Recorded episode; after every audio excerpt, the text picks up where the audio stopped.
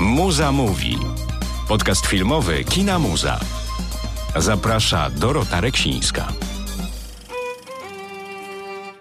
Cześć, witam Was bardzo serdecznie w kolejnym odcinku Muza Mówi, podcaście, w którym rozmawiamy o magii kina i dzisiaj chciałabym, żebyśmy udali się w taki rejon, który na pewno jest magiczny, ale też bardzo sugestywny i bardzo zmieniający to, jak doświadczamy tego, co widzimy na dużym ekranie. Trochę utarło się w naszym wspomnieniu, że kino narodziło się jako kino czarno-białe, jako kino oczywiście nieme i dopiero z czasem w tym kinie pojawił się kolor i dźwięk.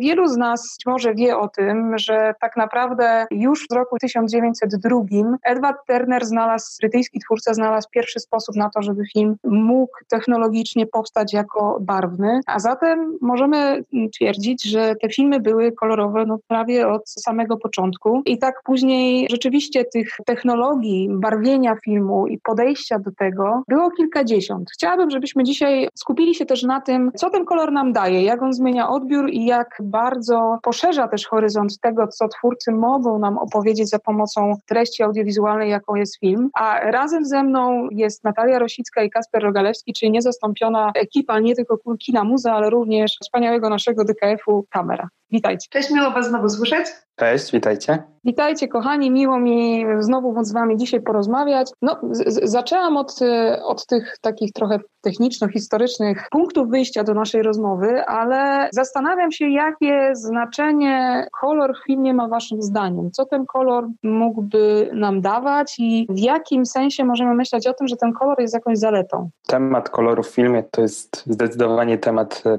bardzo obszerny i pewnie nie jeden filmoznawca mógłby na tym skupić wiele swoich prac badawczych, ale tak z perspektywy widza myślę, że kolor to przede wszystkim jakiś sposób przekazywania emocji i podkreślania ich przez twórców. Tak jak ja oglądam filmy, bardzo często skupiając się na kolorach, też w jakiś sposób je odbieram tak e, intencjonalnie. Nie jest to w żaden sposób wymuszone żadną wiedzą czy oglądam filmy, czy nie. Po prostu czasami, jeżeli widzę jakiś kolor, to on mnie albo niepokoi, albo uspokaja. I myślę, że to jest taki pierwszy podstawowy, ważny punkt, jeżeli w ogóle mówimy o istocie koloru w filmie. Myślę, że to, co mówi Kasper, jest na pewno bardzo istotne, ale też jest, ja myślę, że jest też kwestia tego, że jednak kolory w naszym życiu, jakby od małego, każdy kolor ma też przypisaną właśnie taką pewną intencjonalność swoją. To znaczy na przykład, nie wiem, no jakby każdy kolor, każdy kolor jest trochę inny w historii, chociażby na przykład kolor czerwony może się kojarzyć na przykład zarówno z krwią, zarówno z kolorem niepokojącym, ze stanu niepokojem, ale może też kojarzyć się chociażby z na przykład komunizmem w wielu krajach.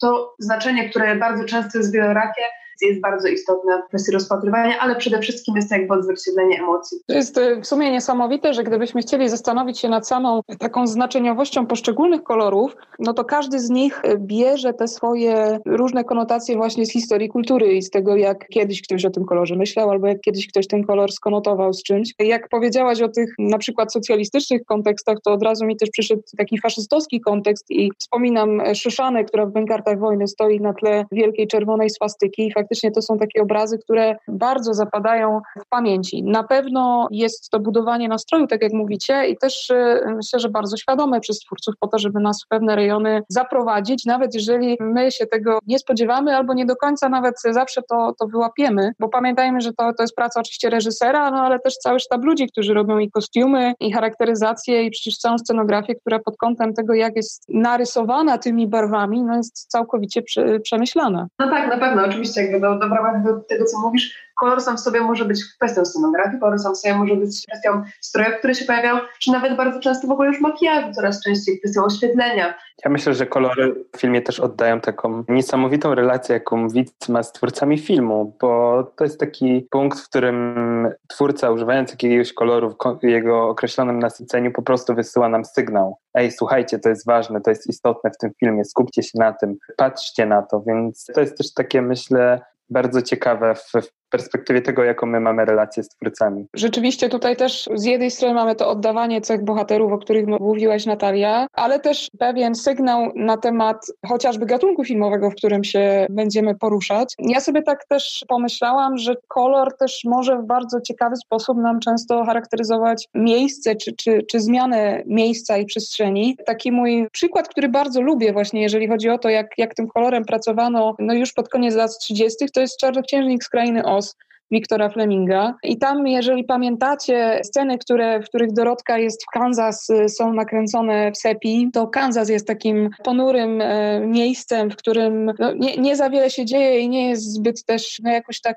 wesoło i ciekawie. E, I dopiero kiedy ona się przenosi do tej krainy Oz, pojawia się tam całe spektrum e, koloru. Tutaj też za pomocą technik koloru kręcone te kolory są bardzo wyraziste. I w sumie jak spojrzymy też na ten film i na tą zabawę kolorem, taką w tej narracji, jak, jak wykorzystano tę możliwość, no to ten film na przykład stał się bardzo ważny dla środowisk LGBT. Właśnie przez to, że był takim filmem, który przenosił się do świata, który jest szczęśliwy, wesoły, kolorowy, w którym jakby każdy wygląda inaczej i każdy może być sobą w tym, że jest inny. I to jest też ciekawy kontekst, jak samo pojawienie się i, i brak koloru może nam określać już całe spektrum też emocji co do tego, gdzie w tym momencie się znajdujemy i gdzie jesteśmy.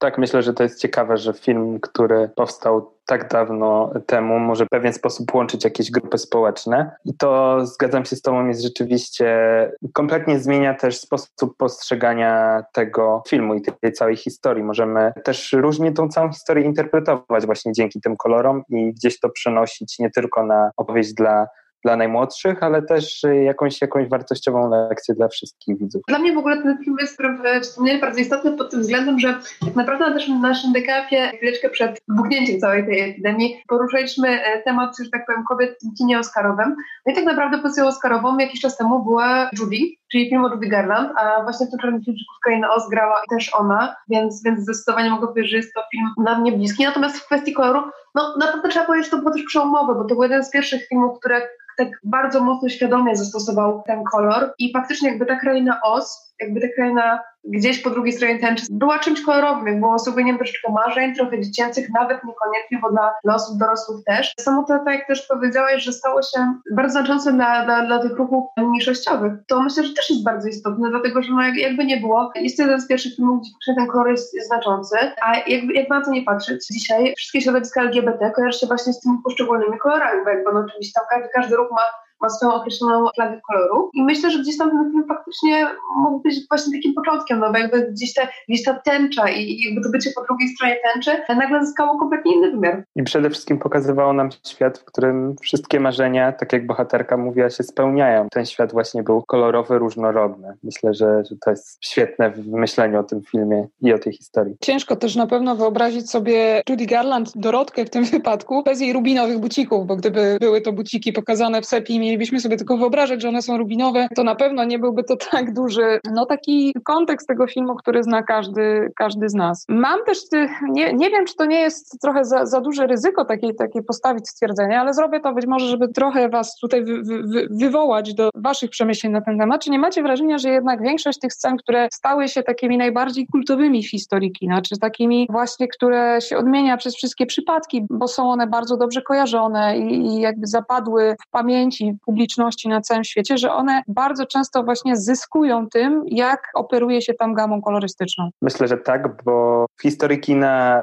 nawet tego współczesnego, bardzo istotne jest to, jak my te filmy zapamiętamy w głowie. Zdecydowanie łatwiej nam zapamiętać coś, co jest charakterystyczne. Myślę, że jeżeli ktoś ogląda i śledzi to, co się dzieje w kinie przez dłuższy czas nie, nigdy nie zapomni sceny z American Beauty, w którym ta czerwień i, i ciało nagiej kobiety jest, myślę, obrazem, którego nie zapomni chyba nikt. No ale to jest też to, o czym mówiła Natalia, że ta czerwień, która może mieć wiele konotacji, ona też może mieć znaczenie, które nawiązuje do namiętności, które nawiązuje do mi miłości. To takie naj, najbardziej oczywiste pod kątem też tego, jaka tam jest historia opowiedziana w American Beauty. No ale teraz sobie wyobraźcie, że ta bohaterka mogłaby równie dobrze leżeć w różach. Róże też mają swoje znaczenie, ale różach, które są na przykład białe. I ta scena już byłaby zupełnie inna, zupełnie budząca inne emocje w odbiorcy. No zdecydowanie tak jest, w sensie jakby ona miałaby wtedy kompletnie inny wydźwięk, bo jakby sam kolor bieli, a jeszcze w ogóle białej róży kojarzy nam się z taką niewinnością, z bukitami ślubnymi, jakby to jest w ogóle kompletnie inny wydźwięk. Róża czerwona jest pasją, jest namiętnością i w tym momencie okazuje się, że kwestia zmiany takiego właśnie tak mówisz, jednego koloru kompletnie zmienia nam wydźwięk całej sceny i tak naprawdę całego filmu przez to. Ale też trochę tak jak rozmawialiśmy o Czarnoksiężniku z Krainy Oz, ja też sobie myślę o takich przykładach, które są bardzo znamienne, gdzie twórca filmowy właśnie bardzo świadomie podchodzi do siły i magii, którą kolor może budować. I jeżeli na przykład świadomie zmienia sytuację, kiedy ten kolor się pojawia lub nie, no to my też dostajemy zupełnie inny sygnał jako odbiorcy. Przychodzi mi do głowy teraz Kill Bill Quentina Tarantino. W obu częściach w zasadzie czerń i biel zabiera nas do świata retrospekcji i tego, co się stało wcześniej. I to też jest znowu pewnego rodzaju zmiana miejsca, która no, intuicyjnie nam jako, jako publiczność daje komunikat, gdzie się teraz znajdujemy, ale bardziej wyjątkowe dla mnie jest to, co, co Tarantino zrobił w tej pierwszej części, kiedy Czarna Wdowa krwawo bardzo pomocą samurajskiego miecza rozprawia się z organizacją Crazy 88, gdzie jak pamiętacie, tylko ona ma żółty kostium, natomiast ci wszyscy jej przeciwnicy są ubrani w czarne stroje i to już jakby się rzeczy zwraca naszą uwagę na nią, gdzie ona konfrontuje się z tą tam pewnie ponad setką innych wojowników. Natomiast bardzo doceniam to, że Komo Tarantino mówił, że zrobił to dlatego, żeby ta scena nie była aż tak krwawa, ale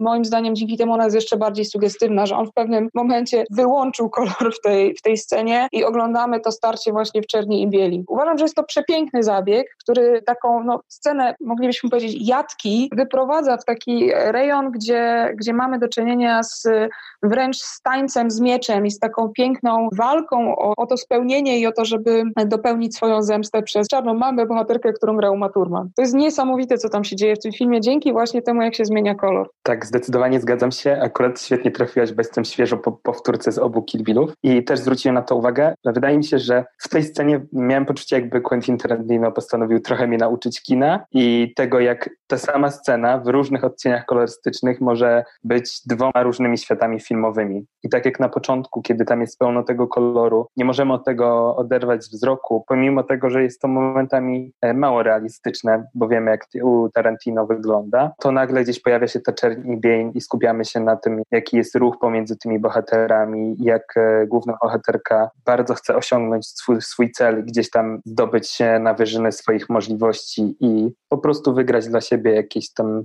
nowe życie. Te kilkanaście minut w filmie to jest taka lekcja filmu dla, dla wszystkich. Też jestem pod wrażeniem tego, jak, jak bardzo e, tak naprawdę jest to taki mały ukłon w całej produkcji w stylu kina noir, dlatego, że no, jakby okazuje się, że jakby to jest właśnie kobieta, która musi rozwiązać swoje sprawunki, właśnie e, jakby podejmuje walkę, więc jakby to jest też o tyle ciekawe, że jest tutaj właśnie silna postać żeńska i to też jest dla mnie takie ciekawe, więc myślę, że, że w tym wypadku tak, tak też aktor powiedział, no, no, no jakby mimo wszystko pozwala nam się skupić troszeczkę w inny sposób na tym, co się dzieje na ekranie.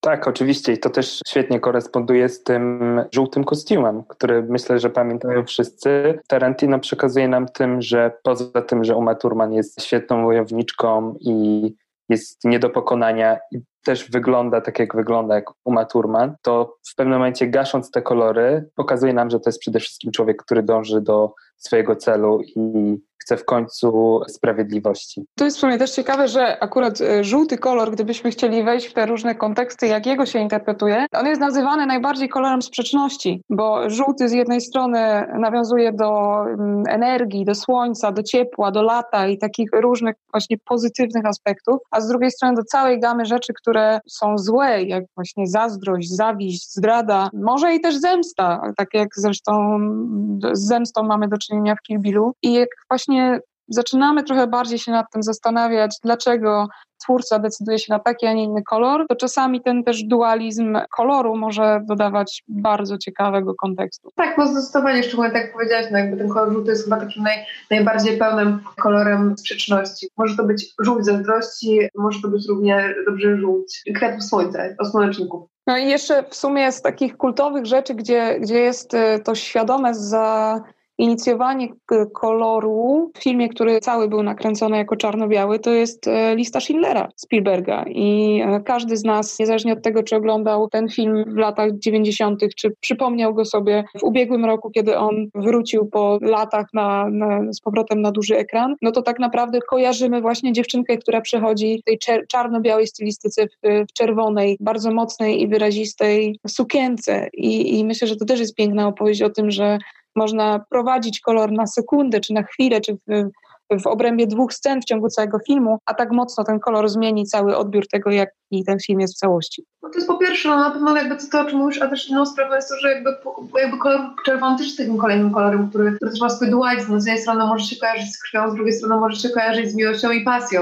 Także, także też jest taki kolor, który pozostawia widza z, z takim właśnie przebłyskiem emocjonalnym, tak no, w całym filmie, który tak naprawdę jest w czerni i bieli, w smutnych kolorach, z też smutną historią. Ja myślę, że też bardzo ciekawe jest to, że ten czerwony kolor akurat się pojawił na płaszczyku tej, myślę, że kilkuletniej dziewczynki. Też e, zawsze sobie wspominam swój pierwszy sens tego filmu, kiedy właśnie ta scena się pojawiła i ten kolor się pojawił, to nie wiem, w pewnym momencie po prostu wybiło mi to z wszystkich hamulców emocjonalnych, które jeszcze w sobie miałem w tej chwili i, i to był jakiś taki moment też przełamania tej całej dramaturgii.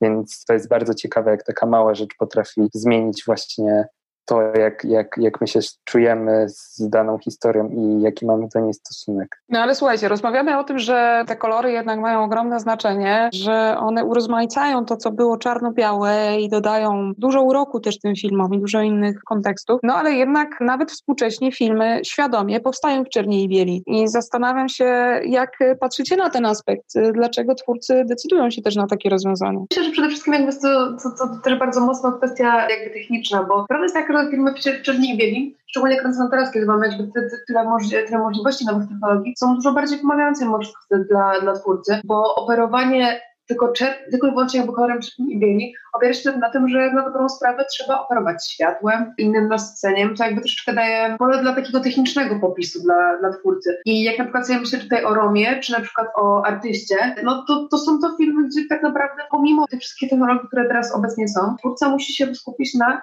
graniu takimi drobnymi niuansami, typu właśnie jakby oświetlenie, jakby natężenie bieli, natężenie czerni. Więc, więc myślę, że perspektywy po prostu jest to też duże wyzwanie takie techniczne dla twórców. Ja na przykład bardzo się cieszę, że, że Roma właśnie powstała w czerni i bieli, czy w, w, skali szarości powiedzmy. To budowanie jakiejś głębi poszczególnych scen, to udawanie się w, w różne rejony tej historii, jak te ujęcia są też konstruowane perfekcyjnie, tak jak też mówisz, pod kątem zmiany światła. Myślę, że jest to ogromne wyzwanie dla twórcy, ale też dla mnie, jako dla osoby oglądającej ten film, sprawiło to, że moja uwaga też była skupiona na zupełnie innych aspektach tego filmu. I chyba tu, tu upatrywałabym tej głównej podstawowej zalety, dlaczego Huaron postanowił zrobić to właśnie w takiej, a nie innej formie. Jeżeli myślimy o tych współczesnych filmach, które teraz powstają w czerni bieli, to warto zauważyć, że bardzo często są to filmy, które skupiają się na człowieku, na jego emocjach, na tym, jakie przeciwności musi pokonać i w tej czerni i bieli gdzieś tam nam łatwiej zauważyć ludzkie emocje, to, co grają aktorzy i po prostu skupiają naszą uwagę też na jakiejś psychologizacji jego. I to też pojawia się i w Romie, i choćby w, w Zimnej Wojnie, który też jest przepięknym czarno-białym filmem, pokazującym dwie silne postacie, które gdzieś tam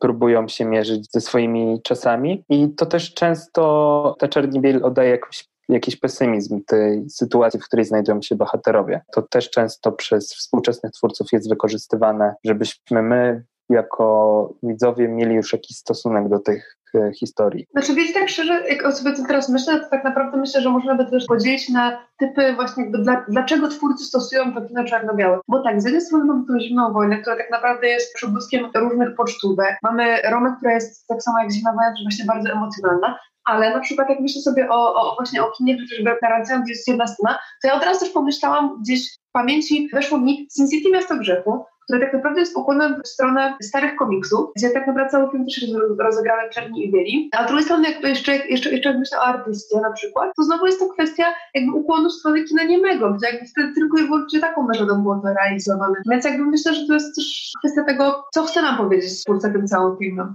Albo jaki jest właśnie powód dla wybrania akurat takiej estetyki, no bo te powody też mogą być różne, nie? Tak, dokładnie. Myślę, że w Sin City to też bardzo koresponduje z estetyką komiksu i jest po prostu jakąś taką uczciwością twórców do, do materiału źródłowego, z którego korzystali. Chociaż też tam, e, z tego co pamiętam, pojawiają się jakieś elementy kolorystyczne, co też jest istotne dla tej historii. Jak najbardziej myślę, że to, co mówi Natalia, to jest prawda, w zależności od tego, co chcą osiągnąć twórcy, to gdzieś tam operują tym kolorem. Mnie osobiście bardzo cieszy to, że twórcy nie rezygnują z tej czerni i bieli, bo pomimo tej ograniczonej ilości kolorów, to naprawdę można przekazać bardzo dużo ciekawych historii za tym. No ona też, ta estetyka na pewno ma swoje bardzo duże zalety też przy świadomym korzystaniu z niej, ale w sumie teraz tak myślę, że ciekawe jest też to, że wiele z tych filmów, o których teraz rozmawiamy, które świadomie właśnie powstały w skali szarości, a one też e, były najlepiej nagradzanymi filmami. Że akurat nie Sin City, o którym mówiła Natalia, ale, ale i Roma, i Zimna Wojna, która przecież też była doceniona na arenie międzynarodowej, nie tylko w Polsce, i chociażby artysta, który też przecież zdobył mnóstwo chociażby Oscarów. Wszystkie te filmy, ta decyzja na, na właśnie skorzystanie czy powrót do tego, żeby zrezygnować z mnogiej palety kolorów, okazała się być słuszna pod kątem tego, jak one zostały odebrane.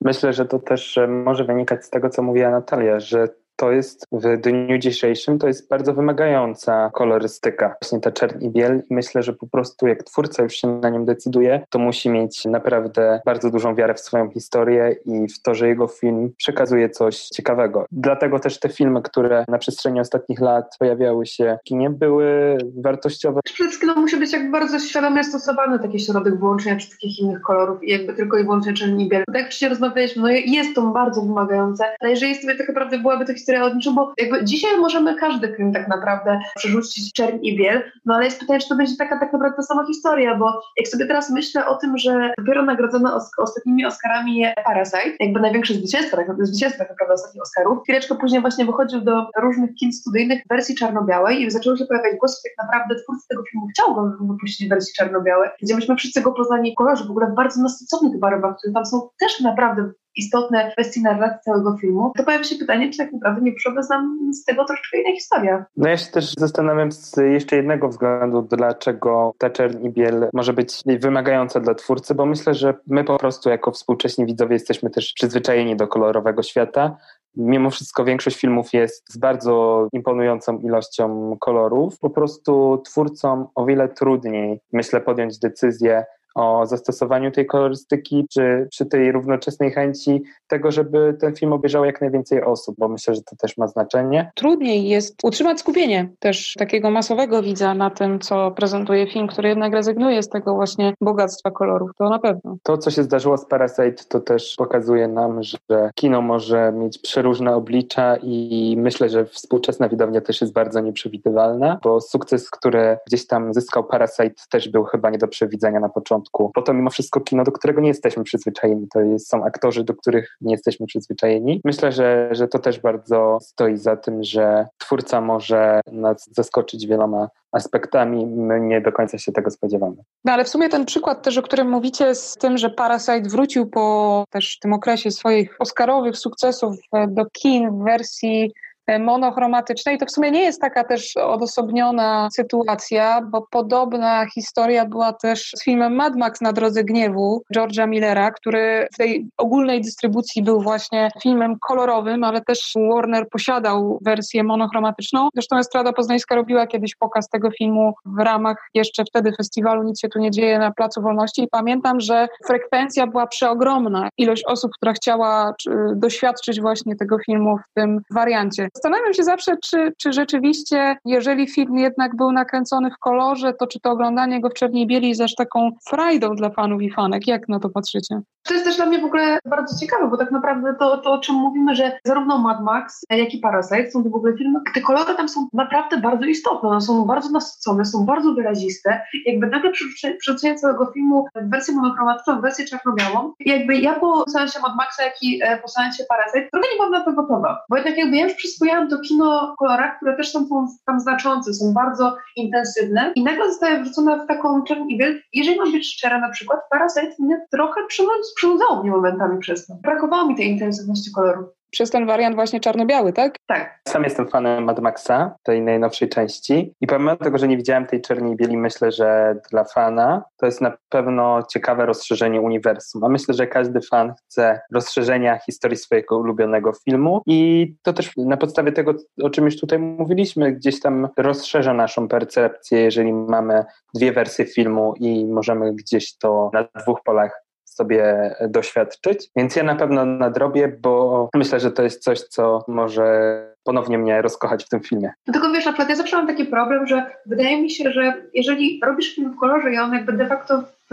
formacie docelowym ma być w kolorze, to troszeczkę kładziesz w trakcie realizacji tego filmu jakby na inne rzeczy, tak? No bo jakby jest oczywiste, że chociażby światło nałożone na różne kolory wygląda inaczej niż światło, które musisz nałożyć na biel. Dla mnie w tym układzie jakby te filmy trochę tracą, bo jeżeli robisz film w zamyśle od początku do końca w kolorze i jakby operujesz tym obrazem filmowym, no to jeżeli światło, intensywnością kolorów w docelowym formacie w kolorze, to nagłe przerzucenie tak jakby dokładnie tego samego filmu jeden do jeden, format monochromatyczny, trochę traci, no bo jednak operacja światłem w czerni i bieli, operacja światłem w kolorze jest totalnie inna. Zgadzam się z tym, co mówił Kacper, że na pewno jest to jakieś doświadczenie nowe jakiś nowy punkt widzenia. Natomiast przyznam się Wam szczerze, że akurat w, w kontekście Parasite ja na przykład nie miałam tej potrzeby. Mnie się ten film bardzo podobał w takiej wersji, w jakiej go zobaczyłam pierwotnie, czyli w tej, która została też pokazana masowo światu, w tej kolorowej. I miałam poczucie, że nie potrzebuję oglądać go drugi raz właśnie w tym trochę innym wariancie. To jest dla mnie doświadczenie doświadczenie, które, które jest trochę niepotrzebne. I tak samo jak wspominam ten pokaz właśnie Mad Maxa, w którym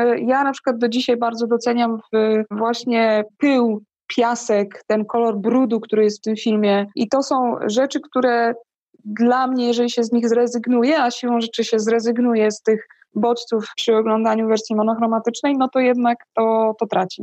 Myślę, że po prostu te wersje nie są zdecydowanie dla każdego i ja osobiście je traktuję jako taką pewną formę zabawy z widzami, z, z jakąś tam grupą fanów, którzy, którzy już tam gdzieś obserwują nasze działania. No myślę, że w przypadku Parasite też z tego co wiem, to sam reżyser brał, brał bardzo czynny udział w tworzeniu tej nowej wersji, więc e, na pewno myślę, że jako widzowie możemy mieć do niej pełne zaufanie, że to nie jest przypadkowe ani jakoś niezgodne z tym, co chciał nam przekazać twórca. I dla mnie to jest jakaś forma dodatku do, do tego, co już wcześniej widzieliśmy. Ciężko mi też powiedzieć, wydaje mi się, że z mojej perspektywy ta wersja kolorowa była znacznie bardziej atrakcyjna, ale z tego też mogło wynikać to, że ją widziałem jako pierwszą i po prostu te elementy, które były elementami zaskoczenia przy oglądaniu drugiej już dla mnie nie były tak samo zaskakujące i tak samo ciekawe. No tak, no bo zawsze pojawia się to pytanie, że co by się stało, gdyby tak naprawdę naprawdę ta wersja czarno-biała, chociażby tego odkorowego Parasite wyszła pierwsza. I tak naprawdę jakby to, to wersja kolorowa byłaby dodatkiem to też jest pytanie, czy, czy tak naprawdę odbiór by się nie zmienił i czy tak samo byłby to film doceniony jak wcześniej. Na to pytanie już pewnie odpowiedzi nie jesteśmy w stanie takiej tylko jednej wysnuć, możemy o tym spekulować. Rozmawiamy dzisiaj o, o kolorach i tak jak stwierdziliśmy jednogłośnie na samym początku, no to jest temat bardzo obszerny i moglibyśmy pewnie nie jeden podcast, ale całą serię podcastów na ten temat zrobić. No ale wyobraźmy sobie, że ktoś z Was, którzy nas dzisiaj słuchacie, nie bardzo zwracał kiedykolwiek uwagę na kolory w filmie. Tak samo jak znam dużo takich osób, które oglądają filmy i nie zwracają uwagi na dźwięki albo nie zwracają uwagi na muzykę filmową. To są takie rzeczy, które trzeba pewnie sobie jakoś też wypracować, czy, czy podejść do filmu z taką chęcią, żeby na te poszczególne elementy móc zwracać uwagę. No i gdybyśmy teraz w tym naszym tu trzyosobowym DKF-owym gronie mieli spróbować wynaleźć dla nas takie najbardziej spektakularne sceny i rozwiązania filmowe z wykorzystaniem koloru, które moglibyśmy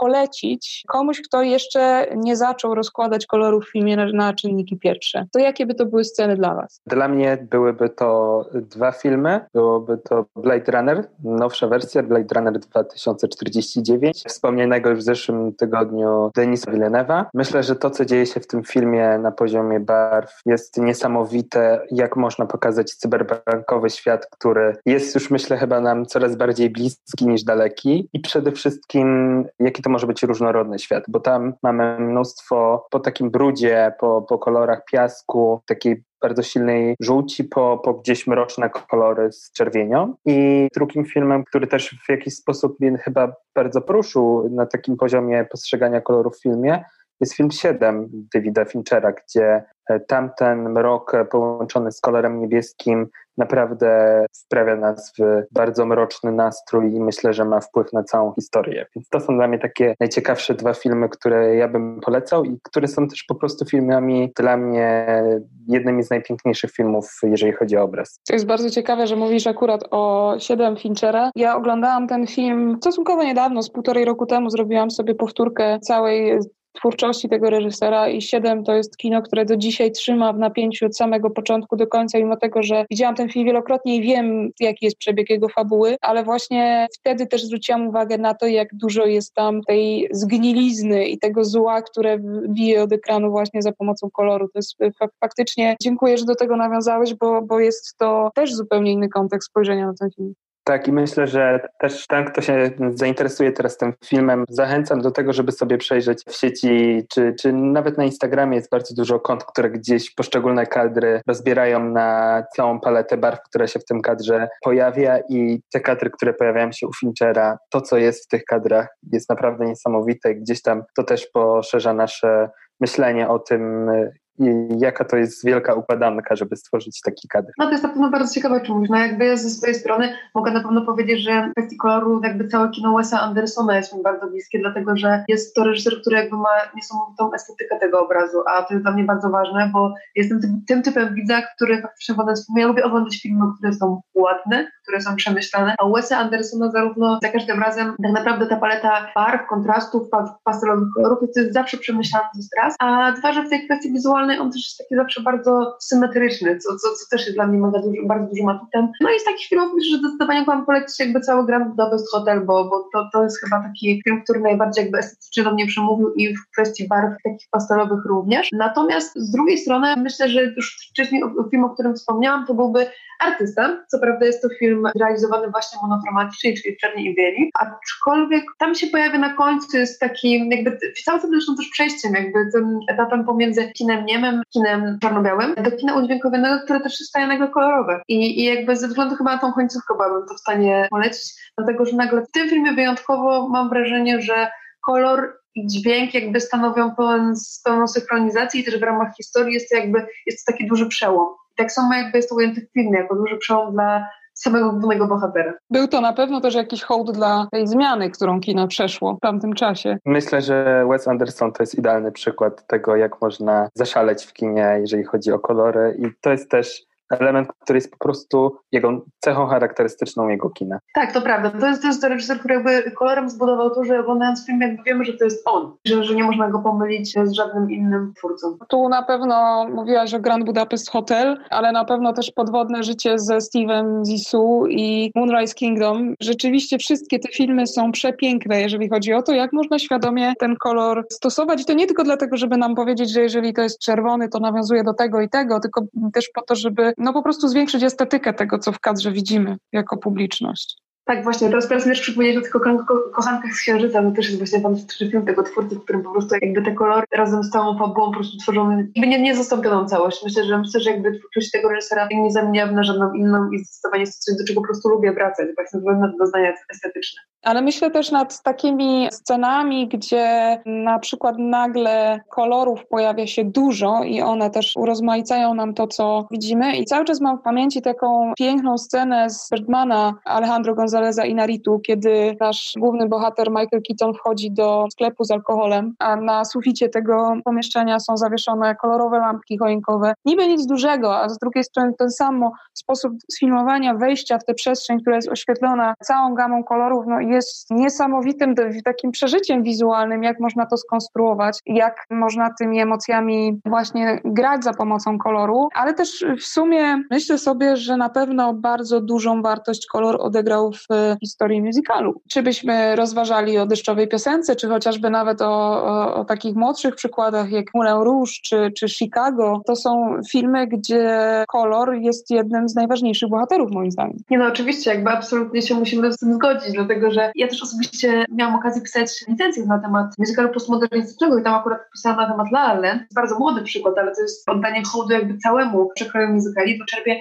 z, z całego e, dorobku musicalu amerykańskiego ze złotej ery Hollywood, musicali, które tak naprawdę były najważniejsze dla całej historii kina. I tamten kolor to jest rzecz nieodzowna te wszystkie filmy bez kolorów by nie mogły istnieć. Szczególnie sobie myślę o, o którym już Dorota wspomniałaś. Te kolory to tam jest jakiś element też opowiadania tej historii, która jest pełna przepychu. Po prostu bez nich by tego nie było i myślę, że jakby nie ma innego sposobu na pokazanie tego, co chcieli zrobić twórcy. Czyli raczej przekonwertowanie do wersji monochromatycznej Moulin Rouge nie miałoby racji bytu i nie sprawiłoby na pewno nikomu frajdy, żeby to obejrzeć. Nigdy nie mów nigdy, ale nie wyobrażam sobie tego póki co.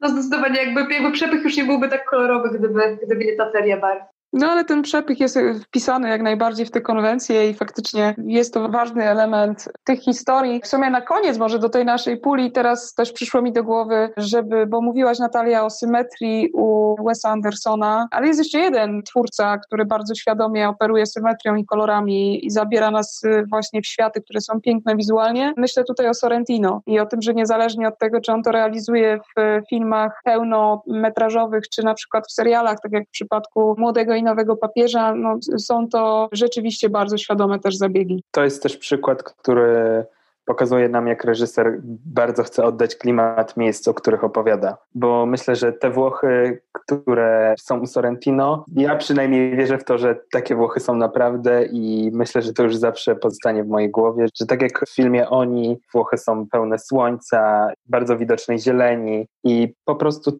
ten człowiek przez swoje filmy gdzieś tam mi pokazuje świat i to, jak to wszystko wygląda. Włochy z wielkiego piękna, które są wielką i udaną imprezą też, jak pamiętacie. Myślę, że jego filmy to jest po prostu pocztówka Włoch i tego, jak przepiękny jest to kraj. Dokładnie, jakby malo, malowniczość Włochu tego reżysera jest na pewno niezastąpiona. Natomiast ja też jestem po prostu fanką jakby świadomości, jakby tego, jak on potrafi jednym akcentem często w danej scenie kompletnie, mam wrażenie, zmienić znaczenie całości. Chociażby tutaj myślę o tym młodym papieżu, gdzie jakby te akcenty czerwieni, które wbrew pozorom się na przykład tam często nie pojawiają, ale są tak znaczące i w kontekście tego, czym czerwień jest jakby w rozumieniu kościoła, religii i tym, jak ono, jak ta czerwienia sobie w kulturze, to to jest dla mnie bardzo świadomym, jednym chyba z bardziej świadomych reżyserów, jeżeli idzie o kwestię kolorów, z jakim miałam do czynienia. W sumie przypominam sobie jeszcze, gdyby ktoś z Was chciał spojrzeć troszeczkę głębiej też na temat tego, jak te kolory są świadomie stosowane. Przypomina mi się taka publikacja sprzed 10 lat. Ona jest niezbyt rozbudowana pod kątem formalnym i tam dosyć często też korzysta z pewnych uproszczeń, ale wydawnictwo filmowe Wojciecha Marca wydało taką książkę Patti Belantoni pod tytułem jeśli to fiolet, to ktoś umrze. Ja tutaj nie zgadzam się z każdą tezą, która w tej książce jest, ale jeżeli nie mieliście okazji, a chcielibyście właśnie od czegoś zacząć, to być może ta książka będzie fajnym startem do tego, żeby poszukać na przykład koloru zielonego w różnych filmach i spróbować potem się jego interpretacji, a może nawet fajniej, jak wyjdziecie z tą książką w jakiś dialog wewnętrzny. Na pewno zmienia punkty postrzegania. Mnie w takim razie pozostaje Wam podziękować za tę dzisiejszą rozmowę i życzyć, żeby z jednej strony Włochy były nadal tak słoneczne, kiedy znowu znowu zostaną otwarte granice, ale przede wszystkim, żebyśmy za pomocą kina mogli jak najczęściej udawać się do krainy OS, czyli do tych rejonów, które są pełne kolorów i pełne też emocji, które twórcy i twórczynie dają nam poprzez świadome operowanie kolorem, świadome też zabieranie tego koloru. Życzę Wam wszystkim, żeby szukanie tych kolorów było niesamowitą przygodą podczas odbioru tego, co audiowizualne. Myślę, że my tak samo możemy życzyć Was tego, żeby się troszeczkę pokłonić nad tymi kolorami, bo, bo może to być naprawdę świetna przygoda, która buduje nowe horyzonty. Zdecydowanie zdecydowanie ja też wszystkim polecam